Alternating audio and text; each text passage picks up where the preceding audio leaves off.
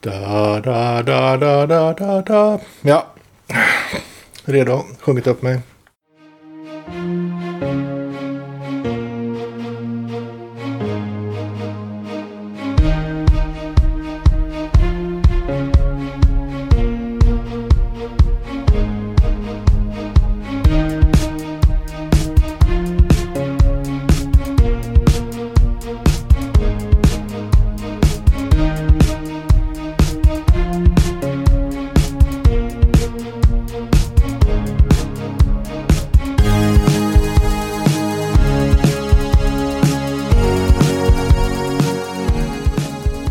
Välkomna till Shiny-podden säsong 9 och del 4. Detta är också Hitchcock-podden, den tredje eh, eh, säsongen. Och med mig som vanligt har jag på länk från Reading i England, Frans. Välkommen. Tack så mycket. Och på länk ifrån Altersbruk uppe i Norrland, Joel. Välkommen. Hallå, hallå. Idag ska vi prata om The Trouble with Harry. Som, eh, vad hade den för någon svensk översättning då? Har vi koll på det? Någon som vet? Ugglor i mossen. Just det. Ugglor i mossen. Ja, lustigt. Vad, vad tycker ni om den eh, översättningen då? Vilken eh, vinner mellan den eh, originaltiteln och den svenska? Vad säger ni? Ja, det, det är något lite skumt med den svenska. Man, man an- anar ugglor i mossen, mossen där. Alltså jag, jag gillar ju lite grann de här uh, Åsa-Nisse eh, svenska titlarna på Hitchcock-filmerna. Så att jag, vet, inte, jag gillar nog Ugglor i mossen faktiskt. Ja. Ja, jag kan nog... Eh, på något sätt kan jag lockas lite av den svenska översättningen i det här fallet. För att The Trouble with Harry är ju lite kul när man har sett filmen. Men jag tycker innan man har sett filmen så är den väldigt intetsägande. På något sätt. Eh, ja. Okej. Och på tal om eh, diskussioner om eh, de svenska titlarna kontra den originaltiteln så var det en trevlig liten uppföljande diskussion som var på kommentarerna på förra veckans avsnitt då på hemsidan då. Har, har du inte sett den och Shinypodden avdelningen där då så går man in och letar fram det lilla avsnittet. Eh, och förra veckan var det ju To Catch a Thief vi pratade om. Så tack för det. Det var både Joy Nito och Sofia som var med och gav, gav sina bud där. Eh, Ja, det är kan kul att titlarna engagerar fler än oss. Ja, precis. Ja, det är jättekul alltid när man får lite kommentarer. Så eh, okej då. Eh, I slutet på förra veckans avsnitt Frans så eh, drog jag mig till minnes av att eh, vi hade sett den här filmen som vi nu ska prata om ikväll. Vi har sett den tillsammans. Eh, den här eh, The Trouble with Harry. För det var i alla fall vad jag kommer ihåg att, att eh, liksom mitt minne av filmen var att ja, men den har du visat mig någon gång. Men, men då, då så teasade du lite mer om att jag hade eh, kommit ihåg fel. Ehm, och ehm, nu vet ju jag ju vad det var för något fel. Men eh, jag, jag tycker att du får gärna berätta nu för lyssnarna också vad det var. Eh, hur, hur, jag hade, hur det blivit konstigt här nu med mitt minne runt detta. Ja, du och jag reste ju till eh, Brunswick, Maine en gång för 16 år sedan för att gå på vår, eh, vår vän docentens fantastiska bröllop där i amerikanska nordöstliga kusten. Och eh, en, en kväll på ett hotell i Boston så, så började vi diskutera filmer. Och jag tror att det, jag, jag, tror, jag kan tänka mig att det föd, hela föddes av att vi kom fram till att vi hade ganska olika eh, filmerfarenheter. Så att vi, vi, vi kom på att vi skulle ge varandra ett 30-tal filmer. Utan att tala om vad det var för filmer, alltså bara blanka DVD-er numrerade 1 till vad det nu var, 25 eller 30. Och som man Ja. vi sen skulle titta på. Ja, det var filmer som man trodde att den andra skulle tycka om och som man trodde att den andra förmodligen inte hade sett. Och det här var, Just det här var en av dem då. då. Så The Trouble with Harry var en film jag fick från dig. ehm, på en DVD, en bränd DVD och utan veta vilken film det var när man satte sig ner och började titta på den. Precis, precis. Och jag, jag kommer ihåg ditt om, omdöme också. Men jag kanske ska säga det sen. Ja, vi kan, vi kan komma till det faktiskt när vi pratar om filmen proper. För att eh, vi, kan väl, vi, vi kan väl bara prata lite här som ett litet uppvärmningssnack om det här roliga filmprojektet som vi nu har eh, dragit oss till minnes här på det här sättet. Eh, Ja. Genom att vi kom på den här filmen en eh, möjlig bakgrund till de här idéerna vi hade Frans. Eh, jag kommer inte ens ihåg vad vi kallade det här filmprojektet. Det kanske bara hette filmprojektet. Sorry. Eh, men eh, jag tror att det kan ha varit en bakgrund kan ha varit att eh, vår kompis eh, studiekamrat från Uppsala-tiden då, Per, Per Westholm. När han bodde i Holland så bodde han nära en liten biograf som brukar visa film eh, utan att man visste vilken film det var då, berättar Per. Jaha. Och jag har alltid tyckt att det var så fascinerande och en kul grej.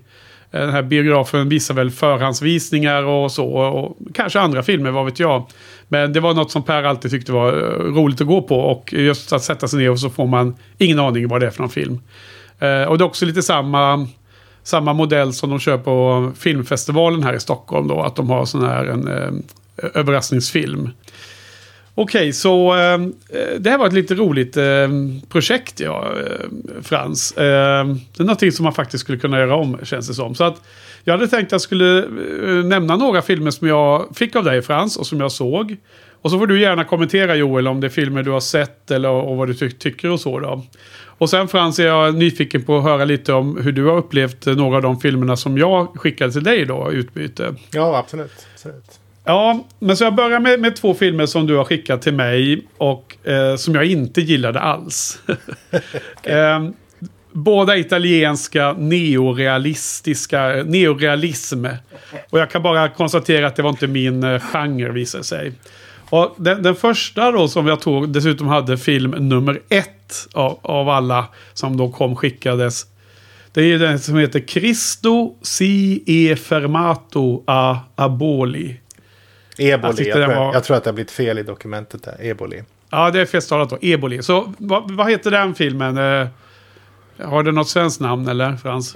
Ja, det är direkt översättning. Kristus stannade, i, stannade inte i, i Eboli. Okej. Eller Eh, Krist, Kristus. den- nej, vänta, den nej, vänta, vänta, vänta, jag måste tänka. Är det Kristus stannade i Eboli eller är det Kristus gick inte av i Eboli? Ja, det har ingen betydelse. Nej, nej. Den var lika dålig ändå. Ja, men, Först då, Joel, har du sett den här filmen? Nej, jag, det här är första gången jag har hört talas om den och då är jag ändå ett ganska... Jag får nog ändå anse mig vara lite ett hobbyfan utav italiensk neorealism. Okej. Den, den, den nästa film kommer du känna igen i alla fall, Joel. Det är jag säker på. Så Frans, berätta. Vad var det här för något? Varför, varför kom den med? Eh, gillade jag den då för eh, 16 år sedan? Jag kommer inte ihåg. Eller jo, jag kommer ihåg. Men sa jag något om den? eh, du sa hoa, sa du. jag tror du upp, upplevde den som, jag att du upplevde den som ganska ytlig. Jaha. Men, eh, men alltså tit- titeln är ju... Får jag, får jag berätta lite om filmen? Ja, ja. Det Spoil är nog away. svårt att undvika, lätt Ja. låter det som. Nej, men det, det, är, det är baserat på en bok som är en självupplevd historia av Carlo Levi som var läkare in, i, från norra Italien eh, på 30-talet. Han, han blev satt i exil i södra Italien i Basilicata. Och eh, för, för protester mot regeringen. Och han kom till den här lilla byn som var så fruktansvärt fattig och primitiv. Det var liksom, de, de levde ett liv som som man inte hade en aning om att folk levde i när man bodde i, i norra Italien. Och, och titeln betyder, ans, antydde att, eh, att livet var, för folk som bodde i den här byn, de sa att livet var så här för att Kristus kom aldrig hit. Han, han stannade i Eboli som var liksom när, när, närmsta st större staden på, på den stora nordsydliga järnvägslinjen. Så att det är ett, en, bok, en bok och en film som hade ett enormt, eh, enorm impact på, på Italien. För att när han, när han kom tillbaka och skrev den här boken så fick folk upp ögonen för hur fruktansvärda, vilka fruktansvärda skillnader det var mellan nord och syd. Låter som Italiens Lort-Sverige. Ja, Ja. Men, men anledningen till att jag gillar filmen är att han har, han har beskrivit det här misären och det här budskapet. Men han har gjort det på ett sånt varmt sätt. Alla, alla karaktärerna är otroligt varma och sympatiska i, i filmen igenom. Ja, Det, det, det, det, tycker den är väldigt eh, mänsklig och empatiskt gjord. Ja, alltså vi har väl var, försökt välja filmer som de andra skulle gilla då. Så att eh, det var väl eh, eh, synd att inte jag var så förtjust i den här genren då helt enkelt. Ja, men den andra som är lite samma faktiskt. Det är ju den super, super berömda filmen Ladri di Biciclette. Alltså cykeltjuven, Bicycle Thieves och allt vad de heter. Det är väl liksom Svenskt, engelskt och italienskt namn är väl liksom, har väl två, eh, tre olika betydelser allihopa va? Är det inte något sånt konstigt Frans? Den italienska titeln är ju cykeltjuvar, alltså obestämt plural. Ja. Vilket är, vad, vilket är en, en korrekt och bra titel. Men alltså svenska titeln är cykeltjuven, va? vilket är en konstig titel. För att få ett, Ja. Filmen får ett helt annat fokus. Liksom. Ja, precis. Men okej, så ehm, eh, Frans, du har ju bott i Italien och pratat italienska och så vidare. Så det kanske förklarar eh, mer intresset också. Eh, eller ja, eh, bara som lite extra. Eh, två filmer som jag tyckte var jätteroliga. Inte, inte helt överraskande då kanske Joel. Amerikanska filmer. Eh, eller tre ska jag säga. Eh, Gilda, Gilda eh, den Black... Alltså, Eh, Noir-filmen eh, hade du skickat Frans, det var jättehärligt. Eh, sen då gillar jag såklart eh, Be Cool, den roliga eh, amerikanska, eh, vad är det, eh, ja, eh, gangsterkomedin. Och sen då till sist så är det ju nästan favoriten av alla på din lista. Det är ju Hollywood Homicide. Ja. Med, eh, Len, Lena Olin och Harrison Ford. Va? Vad, Ja. vad, vad, vad heter filmen? Hollywood, eh, Hollywood Homicide. Men alltså det är ju Harrison Ford och så är det ju en ung kille Frans som är huvudpersonen som man tänker på. Ja, vad heter han då? Det är han som han, han, Ah, det- han vill inte göra filmer längre va? Ja, det, det är väldigt kryptiskt det du säger här. Men okej, den är i alla fall väldigt bra. Har du sett den Joel? Nej, men det är ju det är ett otroligt fascinerande urval. Det är li- liksom, alla filmer innan den var typ så här. Ingen var, kändes som att någon var typ före 1950. Sen kommer den här som väl är typ några år gammal bara. Ja, vad säger du Frans? Hur kom det sig att du valde den då? Eh, Hollywood, Hollywood Homicide. Jag tyckte det var en jättemysig film när jag såg den. Ja, det räcker ju så. eh, sen då ska jag bara nämna de här som jag tyckte var väldigt spännande och annorlunda. Och, eh, in, eller inte annorlunda, men spännande överraskningar ska jag säga. Som var, hade av olika skäl överraskningar.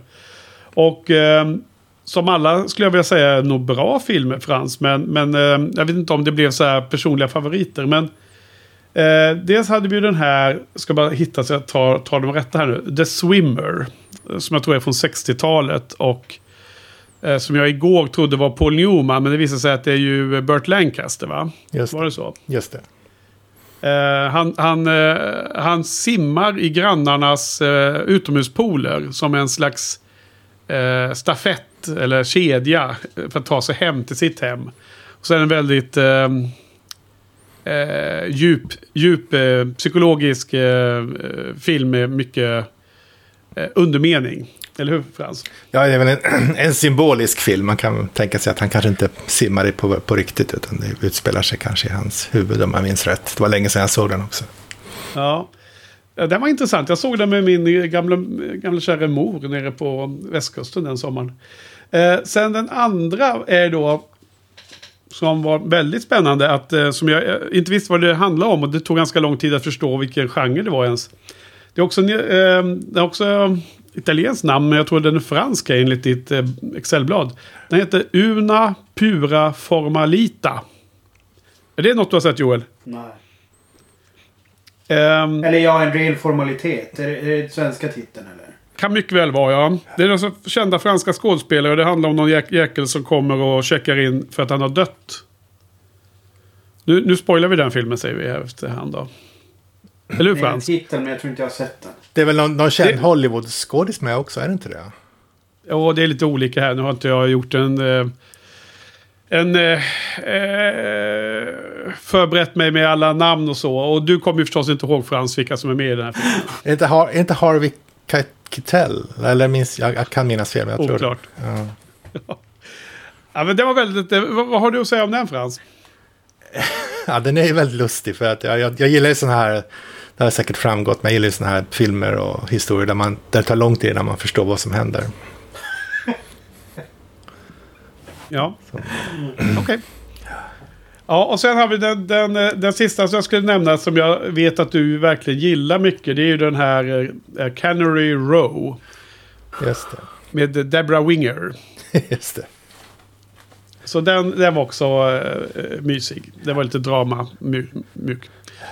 Okej, det var, fanns massor med fler filmer här som var väldigt, eh, väldigt eh, långt ifrån filmer som jag hade valt själv kan jag säga. Så det var ett spännande projekt. Så Frans, vad, kan du nämna några av de som eh, jag skickar på dig idag? Eh, jag, jag, jag hittade ju listan här på min dator här igår när vi började prata om det här och jag skickade över den till dig. Jag kan själv säga att jag det är helt ofattbart vissa av mina val där. Så jag kommer inte ihåg om vi hade, om vi hade sagt, vad vi hade sagt innan, vilken typ av, eh, i vilken kontext de här filmerna har blivit utvalda. För det känns inte superklockrent. Men eh, berätta lite om eh, filmer som du tyckte var bra eller dåliga eller, eller upprörande eller något annat. Ja, först måste man ju prata om The Player. Som har varit en av mina absoluta favoritfilmer ända sedan vi gjorde det här projektet. Fantastisk film. Ja, precis. Och det, den, den är jag ju riktigt nöjd med. Den, den, den kan jag rekommendera folk vilken dag som helst i veckan. Så den, den, den står jag stolt upp för. Så det var mycket härligt att du älskade den också. Ja. Det är ju Robert Altmans film. Robert Altmans bästa. Ja, den eller Shortcuts är svårt. Ja, det är nog The Player. Ja, det är det. Okej, bra. Sen har vi då duon Desperado och El Mariachi. Också två stora favoriter. Det är övervåld utan alla svordomar och utan allt fåneri som eh, Tarantino håller på med. Precis, men det är ju eh, det är ändå hans polare eh, Ro- Rodriguez eh, som har gjort eh, de här filmerna för hans. Ja. Så det är närbesläktat Tarantino, men det är kanske lite annorlunda dialog. Ja. Ja, jag, jag, tycker att det är liksom Tarantino om, det hade varit, om Tarantino hade varit bra. Okej, okej, ja. Så det, det var också två riktiga fullträffar. Och ytterligare en otrolig fullträff är ju Schulze Gets the Blues. Om den här östtyske dragspels... dragspels, dragspelare som har spelat sina ompa-ompa-band hela livet och plötsligt får höra eh, syd, sydstatsblues på radion och får, eh, får, får, får en knäpp. Och bestämmer Ja, sig för att fly och åka till USA och spela, spela som blues för resten av livet. Ja, den är underbar.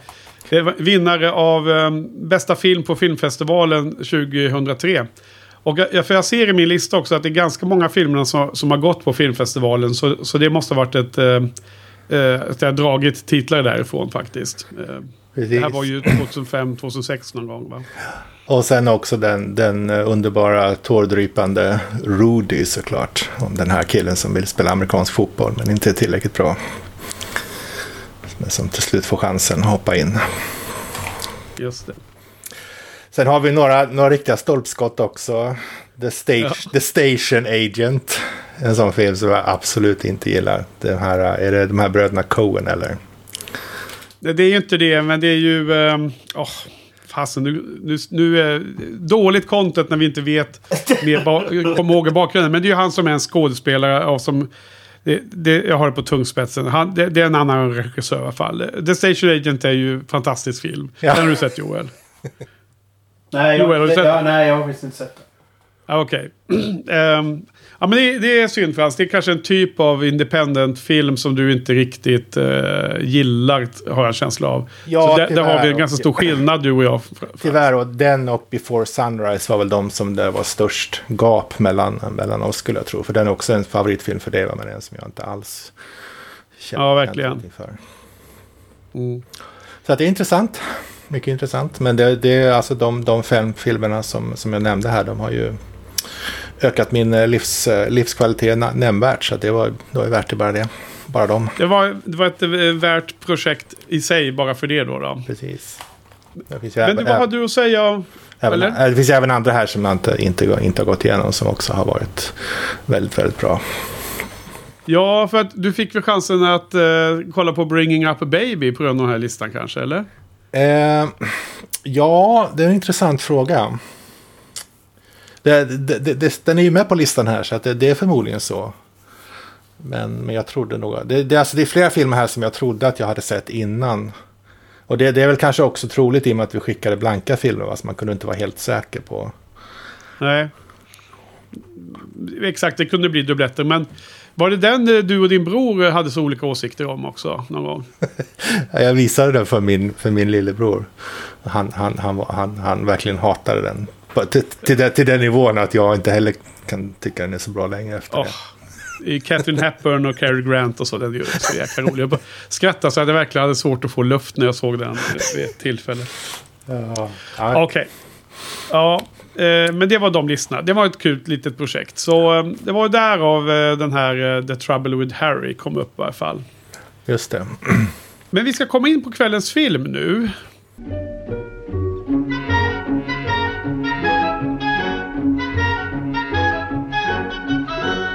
Okej då Frans, ska vi ta en liten synopsis då från eh, Letterboxd på filmen The Trouble with Harry? Självklart. Eh, veckans höjdpunkt.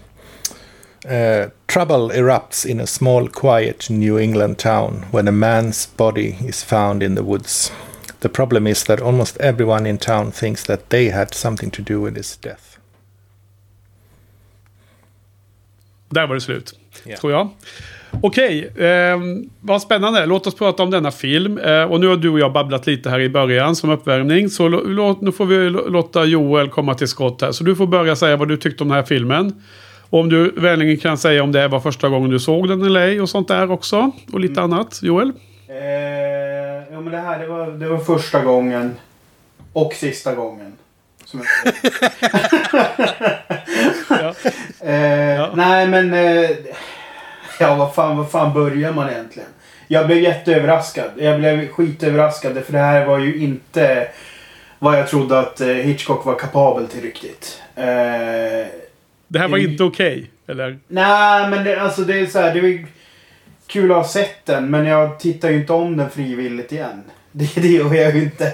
Jag tycker den var jättebesynnerlig. Den är ju, den är ju liksom som en... Eh, fan, man, det är nästan som att det är liksom en Buñuel-film eller någonting. Alltså den är så otroligt annorlunda mot för hans sätt att göra film. Det, är den här att allting är liksom i ett, ett litet glas... Ett samhälle som är en liten glaskupa får man nästan intrycket av. Ja. Och där... där eh, liksom de, det är som att de är helt frånskilda från världen på något sätt. De har bara sitt lilla eh, samhälle. Och det är som de nästan som ett litet Westview. Ja, precis. Eh, och liksom de, det är så här jättekonstig dialog där de liksom säger... Det, det är något så här... Det är skrivet med ganska mycket ironi får jag intrycket av. Och det här med att för eh, han tavelmålaren, han behöver sälja tavlor men han skiter i att sälja tavlor. Han är inte särskilt engagerad i det. Och det är många av de karaktärerna som har den typen av dubbelmotstridigheter på något sätt. Så att... Nej, jag vet inte. Som sagt, jätteintressant att ha sett den. Men... Um, jag var väl inte, jag var väl inte ett jättestort fan måste jag säga. Ja, okej. Okay. Eh, intressant. Då är frågan, du eller jag Frans nu? Eh, det kanske ska vara du Frans som, som förklarar varför den här är så bra så att du valde att skicka den till mig i det här projektet för 16 år sedan. Var, varför jag tyckte det för 16 år sedan, ja. Just det. ja, det här är en film från, återigen då en film från barndomen. Och jag skulle gissa att jag först såg den på grund av Shirley MacLaine som var en av mina absoluta favoriter på den tiden. Hon skrev, jag läste hennes självbiografi som var typ 18 tjocka band av allt hon hade tänkt vara med om hela livet. Mm. Så det var andra enklare tider. Jag minns det som att man vred sig av skratt åt den dråpliga historien som filmen utspelas kring. Hur, hur alla tror att de har mördat Harry och hur de gräver upp och ner honom stup i kvarten. Men eh, ja. nu när jag ser den så, så fastnar jag mer för, för eh, det som Joel sa, beskrivningen av det här långsamma livet i den lilla eh, absurt idylliska byn i nordöstra USA.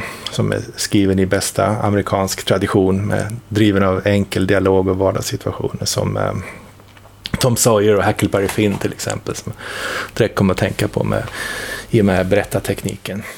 Och in i den miljön då så bringar Hitchcock våld och snusk med, som idyllen behandlar, mer som, lite grann som en synvilla som man bara skakar av sig och men som kommer tillbaka om och om igen, men all, aldrig riktigt blir av med liksom.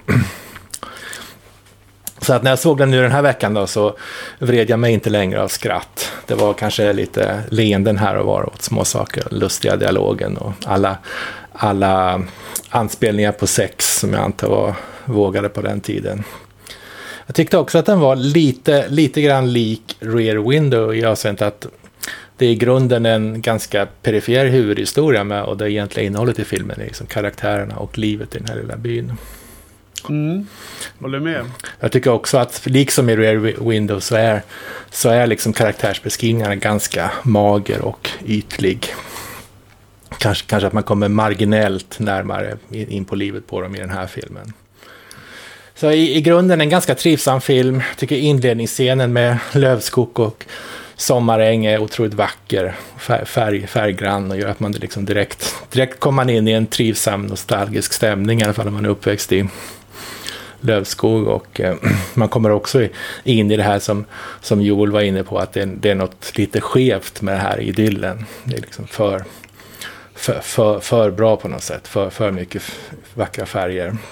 Men det, det, känns som att man hade kunnat göra mycket, om man hade velat göra en riktigt, riktigt bra film, så alltså, fanns det massvis med teman man hade kunnat jobba med här, till exempel konflikten mellan idyllen och verklighetens krav, att man skulle blanda in de jobbiga myndigheterna, eller kontrasterna mellan idyll och mord, idyll och sex, och sex och mord som, som, som hela tiden fanns där, och man liksom spelade lite grann på att man pratade om sex när man stod bredvid liket till exempel. Men, men det, det, känns som liksom han startar flera, flera trådar men, men det, det kommer aldrig igång riktigt. Så liksom, det är en film där publiken får gå hem skakad men inte, inte rörd.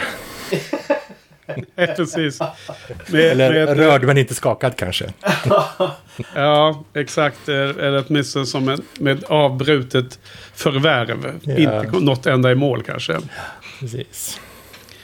Okej, okay, du... Eh, eh, det känns som att eh, du såg vissa saker som var lite intressant. Eh, men mer att du skönjde det under ytan nu då. Påbörjade idéer som kanske inte var full, fulländande. Men också att du kanske inte eh, hade samma positiva upplevelser som när du var yngre. Alltså. Ja, och det, det, har vi ju gått, pratat om många gånger tidigare. Att filmer som man verkligen vred sig av skratt åt när man var yngre, de rycker man mer på axlarna åt numera, tyvärr. Mm. Ja, okej. Okay. Vi får, får, se det som en, en del av kostnaden av den här, de här tre poddsäsongerna är att den här filmen nu har tagits ner på marken för dig. Sorry då för det. Men du, ehm, du nämnde att jag hade kommenterat något runt den här filmen när jag såg den förra gången. Så att det skulle vara lite kul att höra det nu innan jag säger hur jag upplevde filmen med den här titeln. Det du sa som jag tyckte var intressant då var att den var du tyckte att den var teatralisk. Att, alltså, som att det var som en in, teaterpjäs med en filmkamera framför scenen. Att den var ganska tråkig mm. därför. Det var allt, okej. Okay, ja. Nej, men det, det, det, stämmer ju fortfarande. Det är ju en helt absurt onaturlig dialog. Eh, så att det är kombinerat med inledningsscenerna där jag förvisso tycker att det är otroligt vacker höst, eh, höstfärger i skogen. Eh, det är så starka färger så att jag nästan fick ont i ögonen. Liksom, som att jag blev bländad av de starka färgerna. Det är, det är någon konstig filmteknik eller film teknisk detalj han höll på med här, på den här runt den här tiden. Men de första scenerna i filmen är ju också absurda. Eh, och du, du nämnde Buñuel där Joel. Och jag, jag tänker på liksom att det är lite så här... Eh, Salvador Dalí över det hela. Liksom så himla absurt så att eh, det går inte att ta filmen överhuvudtaget på allvar tycker jag i början. Alltså det, den här eh, doktorn som går och läser sin bok och snubblar och inte ser eh, att det ligger en människa. Det, det, det är som varje sån här eh, dråplighet är som en eh, värsta eh, farsen liksom. Men inte speciellt bra gjort och med helt onaturlig eh, teatralisk dialog som ska eh, läsas upp istället för att vara naturlig. Så något som du som för övrigt Frans så ofta tror jag uppskattar just när man har det naturliga där. Då. Men, eh, och jag kommer ihåg filmen som väldigt svag.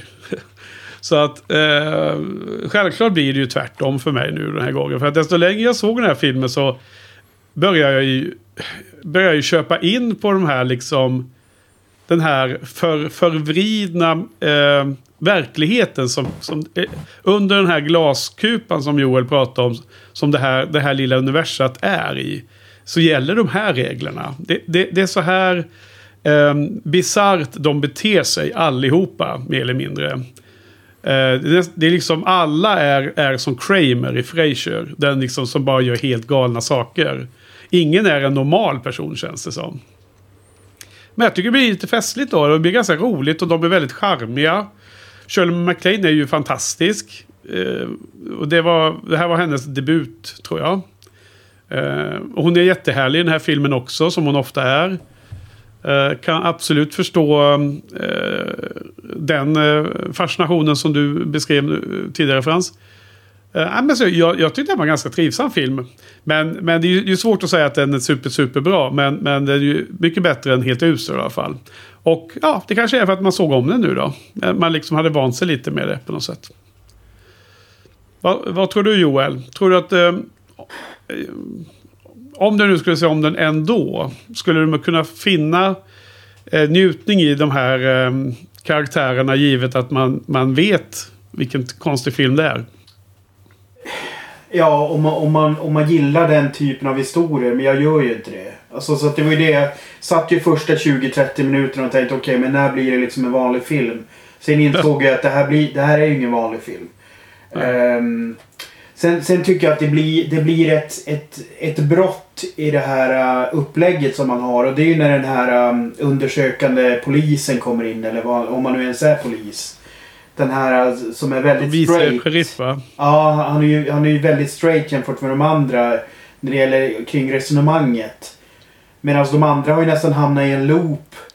Där de ska gräva upp och begrava den här kroppen. eh, Alltså, deras resonemang är ju jättekonstigt hela tiden. Det finns ju ingen rim och reson. Nej. Det, men det är väl det är ju det är ett jättemedvetet val, absolut. Så det, det går ju inte att klanka på. Utan han, alltså det är det jag blev lite fascinerad över att han hade det här i sig. Eh, det trodde jag inte riktigt. Det känns som att han har verkligen släppt tömmarna. Jämfört med hur han har gjort många andra. Ja, alltså det är ju samma eh, manuskriptförfattare som flera av filmerna. De, de jobbar ihop i fem eller sex filmer här då och han heter John Michael Hayes. Han har skrivit manus för Rear Window, To Catch a Thief, eh, The Man Who Knew Too Much som kommer alldeles strax som vi ska se. Eh, och eh, några fler kända, nej men det var väl de Alltså, framförallt. Gre- grejen var att jag, jag blev lite så här när, när, när den här utredaren kom in. Då kände jag okej, nu, nu ska de ändå ställas till svars tänkte jag. För att det, tonläget blev lite annorlunda. Ja. Så därför blev vi slutet blev vi bara hopp, okej. Ja. Ja, men alltså jag, jag, jag, jag håller med om allt det här för det var precis så som jag upplevde den första titeln och då var jag inte speciellt impad. Men jag är ju, jag är ju så lite mer road av den här John Forsyth som spelar den här Sam Marlowe. Han har tagit det namnet också. Eh, eh, Han borde väl redan nu på mitten av 50-talet vara känd, Sam eller Marlowe va? Eh, Från deckartypen. Litterära Han, Marlowe. Humphrey Bogart eller? F- Philip Marlowe heter väl deckaren, eller gjorde han inte det? Ja, ah, okej. ja, det var fel förnamn. Det förklarar saken. Men det är väl kanske en... Det borde vara en blinkning till det ändå. För det känns som Marlowe är så himla känd från den litterära världen. Att, ja, varför kallar man en huvudperson för det? Uh, och sen tyckte jag även att hon den här... Uh, uh, eh, vad var hon nu då? För 42-åriga eller 50-åriga kvinnan som eh, Marlowe eh, designade om där eh, i all hast inne på den lilla butiken. Eh, lät henne få en eh, klipp, klippte håret och allt vad det var. Hon var väldigt eh, festlig tyckte jag. Och sen var ju då... Eh, det var, det var två av dem. Så var det Shirley MacLaine, hon var fantastisk. Det var den tredje. Och sen var det då Edmund Gwen som spelar den här Captain Wiles. Han som hade åkt över alla de sju haven. Eller bara på floden, som det visar sig. Han var ju också ganska härlig, även om han var, kände som att han var totalt förvirrad eh, av och till. Och det är ju också en skådespelare som eh, Frans och jag har eh, stött på eh, i första säsongen av eh, Hitchcock.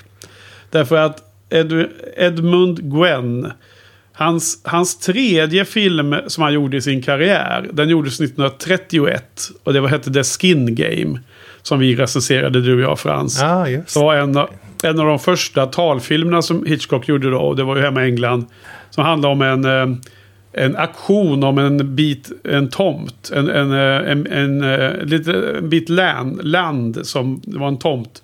Där någon eh, industriman vill köpa den. Och eh, medan ägarna av det, resten av tomten runt omkring ville behålla det här med naturskönt. Och det, då spelar han en av de huvudpersonerna där med den där aktionen och allting. Så det var den tredje filmen han gjorde 1931.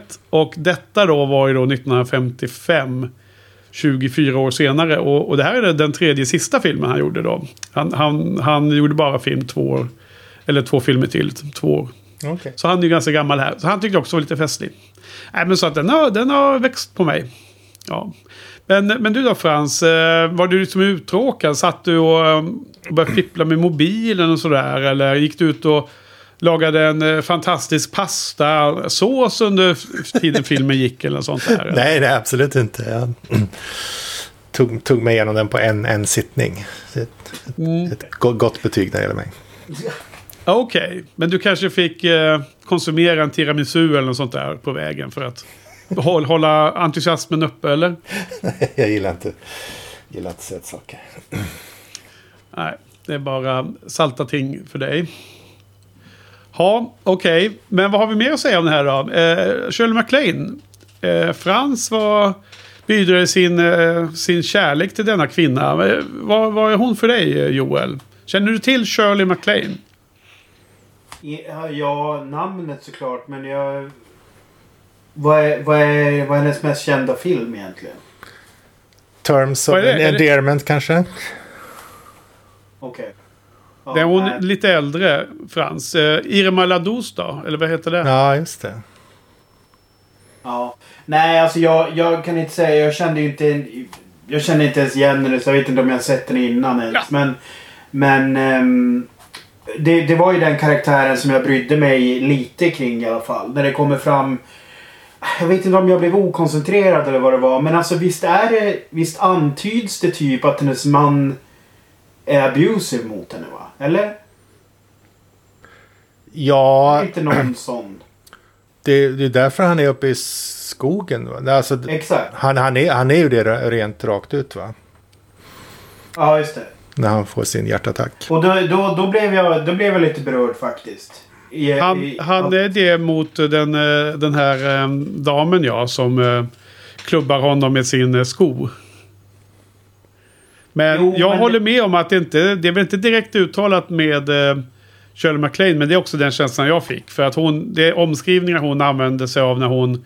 Hon, hon, hon vill i alla fall bli fri från honom, helt klart Joel. Ja. Alltså, nej, men, eh, jag, jag tyckte att den, då, hur de formulerade dialogen där kring det, det tyckte jag blev... Eh, blev jag väldigt tagen av. Och det, men det är väl också nu för att man är van vid ett helt annat klimat vad gäller liksom eh, misshandel inom familjen och sådär. Så att eh, det känns som att de inte riktigt vågar. Alltså nu, nu är filmen är ju så abstrakt i sig så att han kanske inte ville gå in på den typen av detaljer bara för att det då blir en helt annan film. Men jag kände att jag blev berörd där. Ja. För en gångs skull. Men då har han ju lyckats. Då har ju Hitchcock och gänget lyckats ja. med att få fram det budskapet. Så det var säkert menat att det skulle vara under ytan. För annars så blir det ju censur och ratings och sådana mm. saker liksom. Men så, så, jag tyckte att hon, hon förmedlade den, den känslan bra också. Mm. Uh, absolut. Så hon är, hon är väl filmens stjärna. Det är väl inte konstigt om hon fick en bra karriär efter det här. Alltså grejen är ju att det, hennes mest kända film, det är ju lite patetiskt av mig. Jag måste bara nämna det så, så behöver inte folk sitta och vara oroliga här när de lyssnar på podden. Um, det är ju The Apartment skulle jag vilja säga. Mot Jack Lemmon. Den, den är ju jättekänd i alla fall. Pratar, och det är en fantastisk film. Pratade om förra veckan. Ja, och det var den filmen som på den här um, filmmanuskriptkursen som jag gick och tog på kvällstid som en uh, hobbykurs här. Uh, där läraren uh, valde att visa den i uppdelad i åtta delar eller något sånt där. Men, men, men på IMDB, ja Joel? Nej men det, det är fascinerande hur han faktiskt väljer leading ladies. För om det, om det här nu var hennes första filmroll. Mm. Alltså hon är ju den största rollinnehav... Kvinnliga... Alltså hon, det är ju hon och Forsyth är ju huvudkaraktärerna. Även om det nu är en väldigt ensemblefilm. Ja. Men det är ju jävligt intressant hur han liksom... För det är ju samma med Grace Kelly i fönstret... Nej, inte äh, i... Um, Dial M. Det, det, det, så som jag fattar hon var ju inte en ett, ett superetablerad skådis i samband med den om jag förstått det rätt. Utan, alltså jag hade bara sett henne i um, High Noon innan. Alltså det är den enda filmen jag sett före Dial M. Ja. Det, det är ju också den största kvinnliga rollen men det är ju mycket, det är ju en otroligt liten roll där. Så att han, ja. han hade ju... Just de castingvalen tycker jag är lite fräcka alltså. Att han faktiskt går på folk som inte har så jävla mycket erfarenhet. Ja, och här var ju Shirley MacLaine 21 år har jag just kollat upp här. Och eh, hon är ju, hon, jag tror hon lever fortfarande och har gjort massor med grejer. Så att eh, det var väl eh, kul att visa sig att det var hennes allra första film. Eh, för, för hon hade en stor roll här och en viktig roll och var en av de fyra som man följde tyckte jag väldigt mycket. Och ofta när man ser på skådespelare så är ju första filmerna är ju liksom någon uncredited, uh, unnamed, utan uh, dialog liksom. Så mm. då är det inte lika roligt att identifiera första filmen. Men uh, på IMDB så visas ju alltid fyra filmer som jag gissar ska anses som kända, liksom, eller kändaste. Ja. Och då är det ju Terms of Endearment som du nämnde Frans, The, The Apartment. Så en annan sån här 80-talsfilm, Steel Magnolias. Och sen är det då The, The Trouble with Harry som också är bland de här fyra. Eh, men, men, men, för mig har hon vecklats ut och blivit så himla tydlig för mig i den här eh, underskattade romantiska komedin Valentine's Day. Som jag alltid försöker hylla när jag får chansen. Den är från 2010 och uh, om du gillar romantiska komedier Joel och inte har sett den då måste du klippa den för den är riktigt uh, ja, fin. Och där är Shirley MacLaine spelar en väldigt innerlig roll där. Är, är det något du har sett Frans? Har sett är, är det den som är en remake av uh, Love actually eller? ja, det är en amerikansk, mycket, mycket bättre liknande film som Love actually. Ja, ja absolut. då, då den. ja. Nej, men det, är så här, det är lite shortcuts fast det är romantisk komedi istället för drama. Det är massa olika människors liv som uh, get tangled up liksom. Där är hon med och det är lite fint tycker jag. Spelar en väldigt fin roll med ett, ett, ett äldre kärlekspar och deras eh, äventyrödande. Ja, vad heter det? Ehm, nej, men vid sidan av att den är, jag håller med allt som alla säger runt det här. Och sen är det bara hur man liksom accepterar den här, den här skumma stilen som filmen är gjord i. Liksom. Eh, konst, konstig dialog, konstiga beslut, konstig miljö. Allting känns liksom som ett eh, litet eh, leksaksland man tittar in i med dockhus och en liten... Eh, som, bara här, den här platsen där de eh, begraver och sen gräver upp det här, eh, den här kroppen om och om igen. Alltså jag är inte ens säker på att det är ute i en Nej. riktig skog. Utan Nej, det, det känns som att det är inne på en eh, soundstage. Ja. Alltså jag tänkte, har... jag tänkte komma till det. Att det, jag, här, för, här förstår jag hur han kan cranka ut liksom två, tre filmer per år. Därför att ja. den här är ju... Det är ju egentligen bara ett par, ett par vinklar ute i skogen där de, där de filmar mot ängar och sånt som är... All, resten är ju studio. Ja. Men du vet, det är ju säkert också bara en fond. För att det händer ju ingenting i bakgrunden. Är ingenting som rör sig eller någonting. Det, det kan det kanske vara, men eh, jag tyckte ändå att det såg för stort och maffigt ut. Eh, så att jag menar, han kanske skickar ut någon second unit. Jag menar, det där, det där filmar man ju på två dagar. De där longshotsen. Så att resten är ju studio. Så jag menar, jag kan mycket väl se framför mig att han filmade någon av sina andra filmer medan de gjorde set design-byggena här liksom. Och så flyger han bara in liksom och repar en vecka och så kör de. så att jag, jag, tror att det, jag tror att det är väldigt effektivt eh, mm. gjort. Jo. Alltså nu, nu, Nej, när, nu när du säger det Joel så kommer jag att tänka på en gammal, gammal historia om Hitchcock. Som jag undrar har att göra med den här filmen. För det passar ganska bra in på det, på det du säger. Det, det finns en historia om att han filmade ute i naturen. Och en filmkamera föll ner och träffade honom. Antingen föll den precis bredvid honom eller träffade honom på axeln. Alltså en, en sån här mass, gigantisk filmkamera. Så om man hade träffat ja. honom i huvudet hade han dött. Och då bestämde han sig för att packa ihop och flytta och göra resten i studio. Det skulle kunna vara den här filmen. Ja, på det, det, det, det Ja, e- eller det förklarar ju också varför han var så jävla mm, enträgen med att allting skulle filmas i studio. Det har ju både sina för och nackdelar. Eh, här, här blir det ju lite att när... Jag vet inte, det kanske var så för dig också Henke, men för mig blir det ju att när jag som är arbetsskadad från det här, när jag väl ser att allting är studio så och jag är inte riktigt engagerad i filmen, då blir det ju jätteuppenbart. Och det, det, det, ju, det har ju varit så i ett par andra filmer också. Så att det, kan, det kan nog mycket väl stämma. Jag vet inte, jag är inte tillräckligt insatt i Hitchcock. Men det, det som är tydligt är att han ofta har extremt kontrollerade miljöer och att han alltid filmar i studio. Och det kanske grundas i, ja. eh, i den där händelsen. Ja, nej men, men jag vet inte eh, om, eh, om det var den här eller en tidigare film, Frans. För att det kändes ju som, tyckte jag, att den här var inspelad i studion. Mm. Kände, eller tyckte, tyckte du det också Frans? Eller hur, hur, tänkte du något på det? Jag tänkte inte på det, men när, när ni säger det så stämmer det ju. Men, men det stämmer väl också som Joel sa att de första, första scenerna verkar vara inspelade i naturen va? Några av vinklarna. Alltså när, Nej, man, nej, utan varje gång det är någon skådespelare i, i bild så tror jag att det är en studio. Ja, okej. Sen är frågan hur ehm, horisonten ser ut med de böljande ängarna och skogen och bergen. Om det är... Jo, jo, eh, precis. Men jag menar ju de här när, när han tittar ner mot ängen och så ser man en karaktär komma gåendes. Det kan Ja, ju inte men- vara studio. Ja, jag, Måste- jag, jag fick den känslan också. Att de hade gjort en, de hade liksom en liten kulle där inne med, med, som de har byggt upp. Och så det, det, allt det var i studion. Men jag, jag bara undrar. Det var bara en tanke jag fick. Mm. För sen, det, är- ju väldigt intressant val utav Både den här filmen och eh, jag tror den förra är ju inspelad med här extremt vidbildsformat.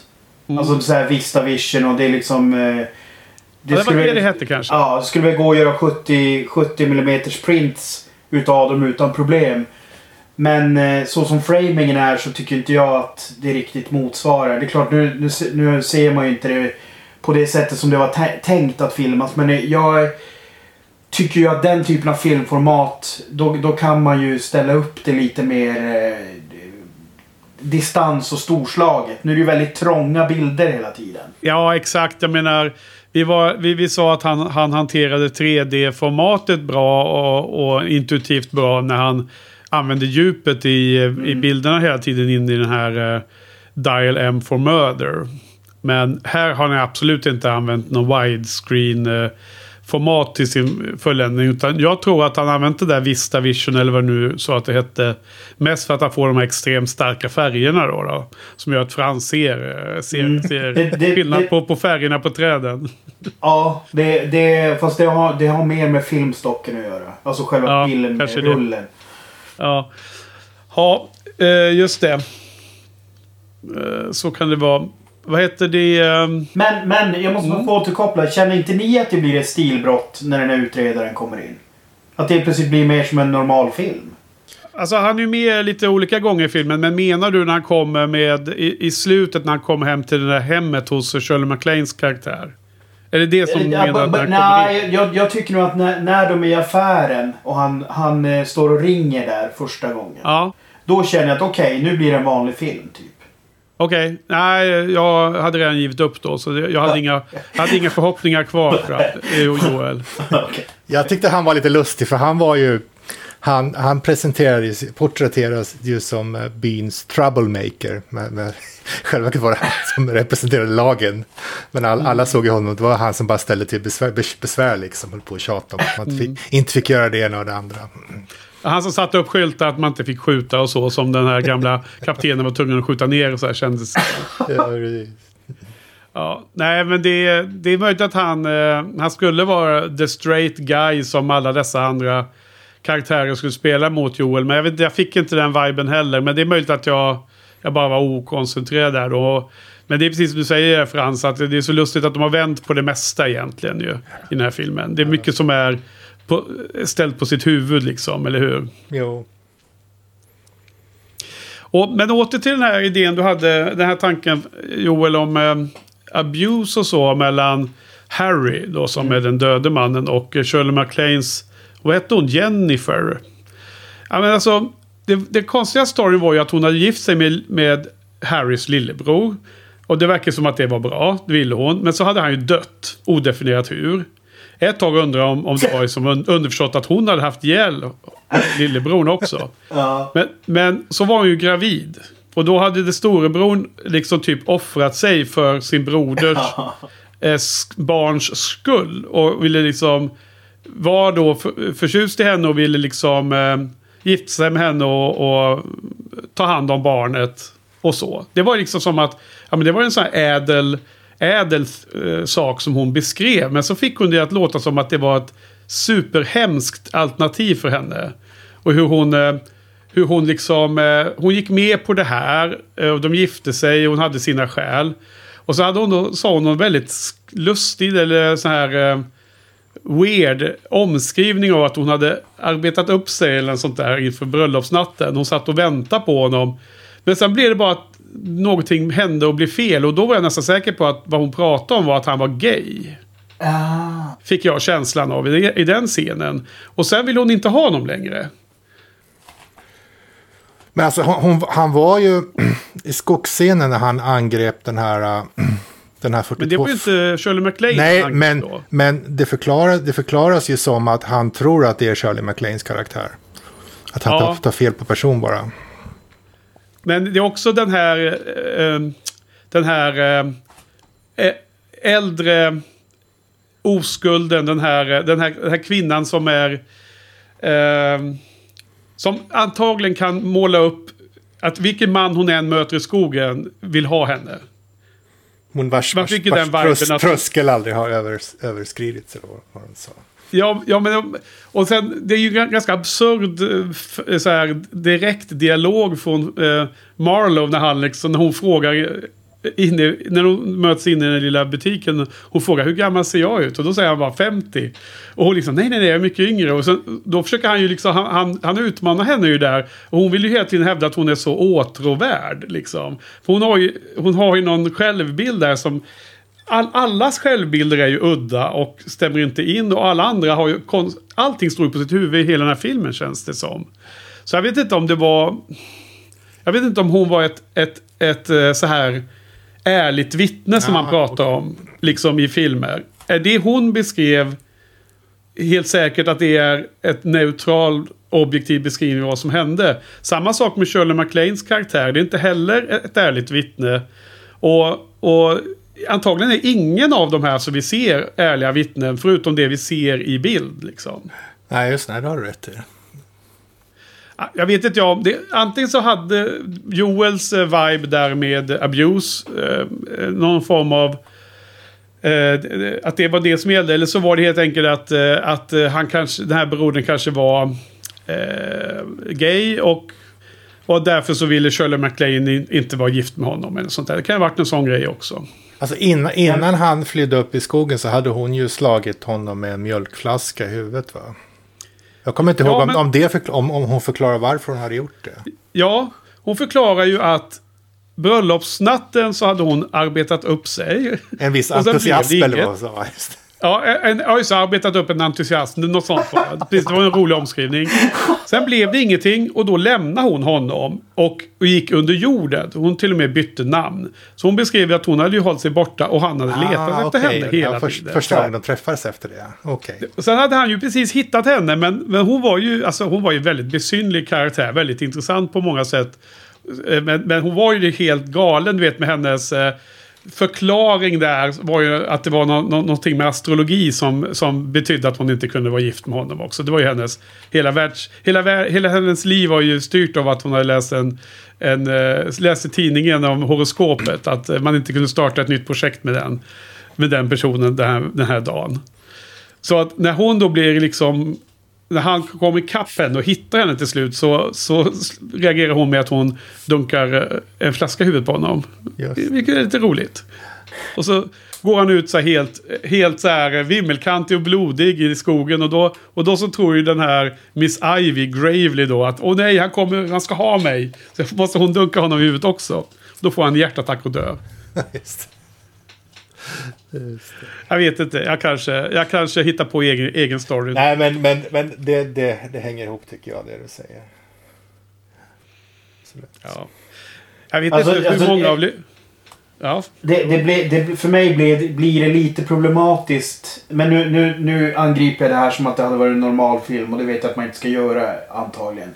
Men det blir lite problematiskt när de här grejerna uppdagas kring honom och det bara berättas om det. Ehm, och att man inte får se flashbacks. ja. Ehm, det, det satt jag och kände efteråt. Ja men vad fan var det jag hörde eller vad var det jag såg och i vilket sammanhang och i vilken ordning och hela de grejerna. Det, det blev, men som sagt det är ni, kanske nitpick som inte hör hemma på den här filmen för den är inte Ah, konstruerad det- så. Ja, ja, ja, jag, jag tror nog att det är så som du sa där senast. Att det är nog en typ av nitpicking eller analys som, som den här filmen inte är gjord för. Utan Mm. eh, det är nog snarare så att det ska vara väldigt så här uppe i luften allting. Man kanske ska få tolka den lite hur man vill liksom. Ja. Men, men Oj. sen en annan scen som sticker ut är ju när när de har grävt upp honom och typ rengjort honom och allting och så ska de locka dit ungen och hitta honom. Ja, det är också Det är jättelustigt. otroligt bisarrt för det är så här att även om de är skruvade karaktärer så det, Ja. det blir ganska långt Alltså nu fattar man ju eftersom ungen är ju liksom femte, femte hjulet liksom. Så det är, på något sätt så blir det ju naturligt att det är den som ska upptäcka honom. Men det blir ju så här med, med nutidens... Eh, ja, alltså om man nu ska prata om så här hur man behandlar Men, barn alltså, och det, så. ja, men Joel, det är, ju, det är ju det här nästan som är det bästa i hela filmen. är ju att för, för att det ska bli helt eh, vattentätt till slut. Det här som inte kan bli vattentätt. För de har redan begått så många gravfridsbrott och lögner och felaktigheter så det går inte att komma undan. Men om det ska bli vattentätt då måste barnet eh, på ett helt ärligt sätt och liksom tro på det själv ha, hitta eh, gubben igen. Liket. Så det tycker jag känns ganska solid ändå att de listar ut att om, om barnet hittar honom och springer in och hämtar mamman då kan de få liksom att allting sker exakt så som man ska säga till polisen. Men det lustiga där är ju att det bygger ju bara på att, att barnet har ju redan hittat liket en gång. Men, men det hjälps ju av att barnet har blandat ihop imorgon och igår. Så då är allt lugnt ju. Ah, Så att det första han ska säga, vi- vilken dag är det imorgon? Och så börjar de med en sån där, det, det, det är som en sån gammal eh, 40-tals eh, komedisketch känns det som. Typ eh, Bröderna eh, Marx ungefär liksom. Eller, eller Monty Python-sketch ungefär. När han börjar rabbla igår och imorgon och idag och allt vad det är de betyder. Så att, eh, ja, festligt. Och, eh, alltså, fan, jag tycker den här filmen växer ändå, alltså, när man pratar om den. Den har något ändå. Har den inte det? Och det var det jag satt undrade på alldeles nyss här, Joel. Eh, undrar om lyssnarna av podden verkligen har hakat se den här filmen då. Med tanke på att den är nog inte är eh, en av de mest kända eh, Hitchcock. Så att jag menar, lyssnarna kanske väljer att se Fönstret mot gården och North by Northwest istället. Och sådana här filmer. Med rätta då, skulle jag vilja säga. Eh, så att, då undrar jag om vårt snack här kanske lockar folk till att titta på den. Och jag säger det direkt till Karl här eh, genom micken att om du inte har sett den här filmen så måste du se den. För jag tror du kommer tycka den är störtskön. Eh, och så. Eh, hur, hur, vad, vad tänkte ni om eh, första gången ni såg barnet komma gående med den här döda kaninen då? Eh, för det var ju då man, man, man förstod att eh, det inte var kaptenen som hade skjutit honom i alla fall. Det fattar man ju då. Det gjorde jag i alla fall. Han var smart. Ja. Ja, jag, jag förstod inte det. nej, samma. Jag hängde inte med på det. Nej, alltså jag, jag, jag kan ärligt säga att jag, inte, jag kommer inte ihåg vad som var poängen med filmen. Och det, det, det förklar, för, förklaringen är, ligger ju att det inte finns någon speciell poäng. Men jag, jag kommer inte ihåg vem som var mördaren. Nej, Så nej. Jag så trodde att det var en mordfilm hela vägen igenom tills man precis i slutet Men så har de, de gjort en obduktion. Eller då har ju läkaren kollat och sett vad han egentligen dog av. Men alltså visst är, visst är väl det här att han egentligen gör någon slags parodi på... Det finns väl en Agatha Christie som, eh, som är typ att alla är mördare eller är inte mordet på Orientexpressen eller något sånt där? Fan, Jo. spoilar den nu eller? får, får jag blipa då. Men... Eh, Ja. Nej men alltså... mm, eh, Det, det känns ju som att han... Att det här är ju alltså uppenbart att han på ett tydligt sätt ändå gör någon slags parodi. För, eller jag vet inte. Nu har inte, jag har Av, inte, av något ja. Ja. ja. Precis, av något. Jo, men alltså typ den här... För att, för att grejen är att när man börjar fatta att alla tror att de har dödat honom och så blir det hela tiden motbevisat. Det, det blir ju ganska... Alltså när, när väl den karusellen sätter igång då är man ju med på det hela, hela vägen. Sen, sen... Så att de... Dä- Däremot, jag såg ju inte riktigt slutet komma på det här sättet. Alltså det, det, dels så att läkaren bara, ja han dog i en hjärtinfarkt. Jaha, okej. Och så sen bara att det slutar. Ehm, Ja, men lyckligt. Alla, alla fick alla. All, all, alla fick eh, sin käresta och sen gick de hem glada. ja. Ja. Eh, allra första gången man ser liket liggande där i den här gläntan så ser man den här lilla ljusröda eh, liksom lite ketchup som är i pannan på skådespelaren som ligger där och sover. Då tänker man direkt så här, vad fan kan de inte ha lite bättre specialeffekt på det här eh, mannen som blivit skjuten i, i huvudet liksom. Men det var ju lustigt för att det var ju inte ett skott visade sig då senare utan det var ju kanske någon liten eh, blod av att bli nedklubbad med en mjölkglas. Det hade, det hade varit lustigt om, om hon hade slagit honom med en ketchupflaska så att det typ var, var ketchup.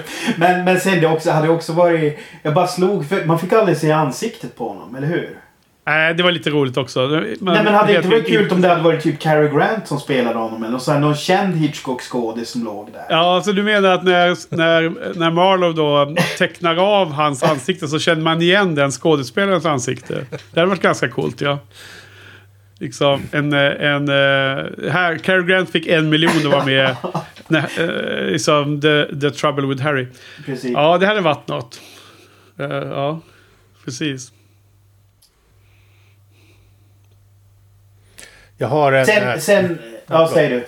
Nej, jag har, jag, jag, har, jag har en behind the scenes-anekdot faktiskt för en gångs skull. Som jag tycker är ganska kul. Om, Ja, om det är läge att dra den nu. Det, jag kommer inte ihåg om det Ja. kommer från hennes eh, självbiografi eller om det är från något, eh, TV, någon tv-intervju jag har sett. Men hon, hon har i alla fall berättat om den här filmen. Att det var hennes första film. Då. Hon visste inte alls hur man, hur man gjorde när man gjorde film. Så att hon hade då läst hela manuset och lärt sig alla, alla rollerna utan till. Det trodde hon var Ja. liksom det självklara. och Hitchcock han blev så imponerad att han, han bjöd in henne att äta frukost, lunch och middag med honom varje dag. Hon sa att det var gigantiska måltider och hon gick upp oändligt många kilo under inspelningen. hon, vågade inte säga nej då. Eh, Men för att han eh, ville han... Eh, ba, bara, bara för att han var impad eller var det något med manus så han skulle få hjälp med henne med då? eller? Alltså, som jag minns det så, så beskrev hon det som att han var imponerad men det är ju hennes Ja, och mitt minne. ja, ja. ja. Vad lustigt. Men, men, men på tal om eh, Hitchcock. Fanns det någon eh, cameo i den här filmen eller? För jag såg ingen alla Nej, jag såg ingen heller. Jag funderar på om i slutscenen när man ser honom ligga från, med, från skorna, liksom, är det Hitchcock som ligger där? Slutscenen? Eller i- en av scenerna, är det inte slutscenen? Det är en av scenerna på slutet i alla fall, när, när det liksom, filmkameran är i marknivå och man ser bara skorna och magen. Ja, det är ju precis i början av filmen får man ju den vinkeln. Men också i Precis slutet när, va? när, när, när texten med directed by. Då är väl det med sulorna på skorna och så ser man liksom. Just det, men det är också en film i slutet där det känns som att han har större fötter. Jag, jag, fick, in, jag fick tanken att det kanske var Hitchcock som låg där, men jag Ah, spolade aldrig tillbaka. Och advanced. Ja, nej, okej. nej, men eh, då, då hade ni inte sett honom någonstans uppenbart i alla fall. Det är mycket möjligt. Det får man kolla upp på internet då efter de här cameos. Det finns på eh, olika webbsidor. Nej, men jag, jag, jag tycker det var en ganska festlig grej att man aldrig fick se den här eh, döde man. Utan han alltid var, det var liksom bara fötterna som st- stack fram. Och eh, I badkaret och i soffan och så här. Och det var lite som i Frasier med eh, Niles eh, fru där, Mar- Marys, va? som man aldrig får se. Eller, eller eh, han, eh, en av dem i eh, Big Bang Theory som har den där skrikiga mamman då från övervåningen som man aldrig får se och sådär. Det, det är lite så. Det är en kul grej. Det, Hitchcock gjorde det 50 år före alla andra liksom. Eller kan, kanske inte var första gången heller för, för den delen i och för sig. Okej, ehm, ja, nu har mina, eh, mina notes börjat ta slut här. Har ni något mer ni vill... Ja, alltså jag, jag vet inte. Är det någon av er som ser den här serien uh, Curb Your Enthusiasm med Larry David? Ja, den har jag sett en del av. Inte allt. Inte precis allt. Alltså vi, vissa musikstycken här känns ju som uh, han har snott rakt av till den serien. Ja. Just de här lite så här klumpiga, du vet när det är cellos och grejer eller vad det är. Frans är ju mycket mer eh, kunnig när det gäller vilka instrument som används. Eller, men det, är- det är något sätt som musiken är komponerad här som är liksom rippad rakt av på en Curb Your Enthusiasm. Jag vet inte om du tänkte på det Henke, om du ändå har sett serien. Ehm, nej, jag kopplar inte till ehm, Simma Lugnt Larry-serien. Men eh, jag tänkte på att det var sån här bizarr filmmusik som Ja. var nästan som ci- cirkusmusik eller som eh, gjort för någon slags eh, ja, revy eller eh, show på scenen. Precis. För det, den, den typen av musik passar ju extremt bra i Simma Lugnt Larry. Eftersom han är ju som en elefant som springer in i olika så här eh, växthus liksom. Eller glasbutiker. Så att då blir ju musiken blir ju väldigt bra ackompanjerad. Här så att här blev det lite så här... så här konst, alltså, den är ju inte komponerad med det i åtanke. Men eftersom man har sett Kirby Enthusiasm så blir det ju lite det jag tänker. Men det är ju ett annat syfte här. Här är det ju bara tänkt som vanlig musik antagligen. Mer. Jo.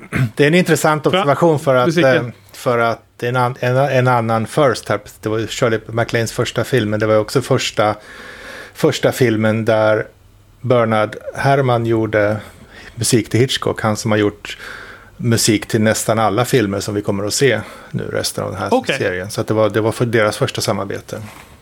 Mhm. Wow, det, det, det hade du koll på. Vad, vad intressant. Eh, eh, var det något eh, musikskår här i den här filmen som du gillade Frans, eller?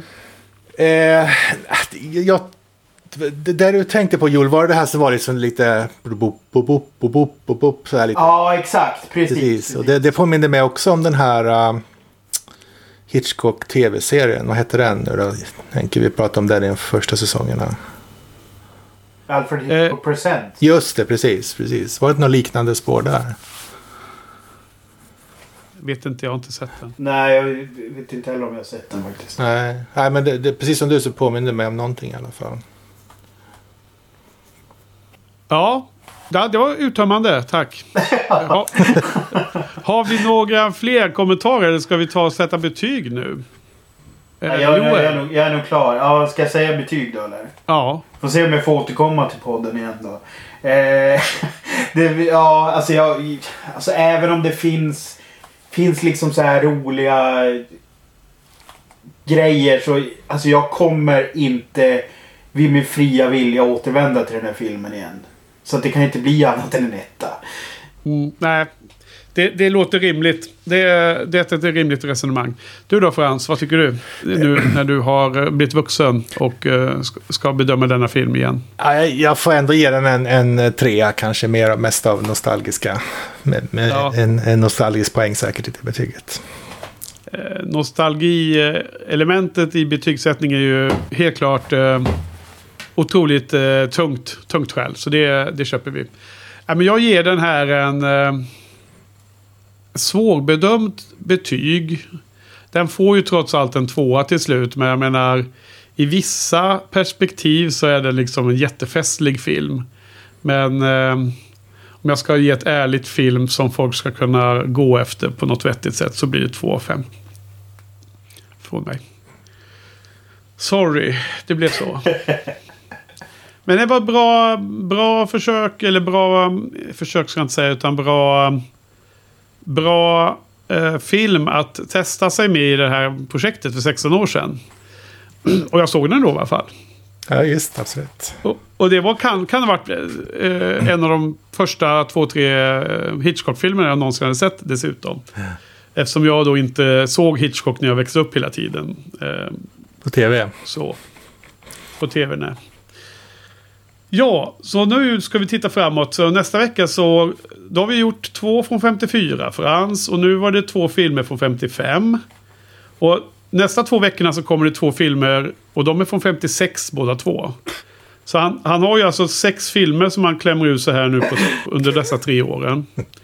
Och det nästa, nästa film då är ju då, kanske krävde inte jättemycket arbete av Hitchcock heller då. För att då gör han om en film som han gjorde sj- själv i Storbritannien på 30-talet. Så scrollar vi ner och ser vad den heter. The Man Who Knew Too Much från 34. Görs nu om med, i USA. Och då får den heta The Man Who Knew Too Much. Så den är den första 56an vi ska se här. Och eh, här har vi då en huvudperson som heter James Stewart. Det blir spännande att se. Det här är en film som jag, eh, igen då, precis som förra veckan, tror att jag har sett med dig någon gång Frans, hemma hos dig. Det kan säkert stämma. Det kan säkert stämma. Ja. Har ni, har ni poddat om ursprungsfilmen? Ja, Oh, ja. Ja. Jag absolut. försöker, jag försöker trycka båda två och lyssna på ett avsnitt. Ja. Nej, men den var inte helt oäven, men eh, det ska bli spännande att försöka... Nu var det ganska länge sedan Frans som vi pratade om den eh, från 34. Jag har vaga minnen av vårt samtal om den. Jag kommer ihåg filmen ganska väl. Jag tror att det var ju den här roliga skådisen som spelar skurken där. Uh, nu börjar jag bli trött i huvudet. Jag måste dubbelkolla här. Vad heter han? Du vet från M. Du vet Joel från M. Peter Lorre mm är ju med i den gamla filmen. Så det är härligt. Han var kul. No Nova Pillbeam kommer du ihåg Frans. Ja, men det är nästa vecka. Så eh, då får vi tacka för idag. Tack Frans och tack Joel. Tack, tack. Och, Tackar. Ja, och tack till publiken och så på återhörande om en vecka. Nästa måndag igen. Bye, bye. Ja.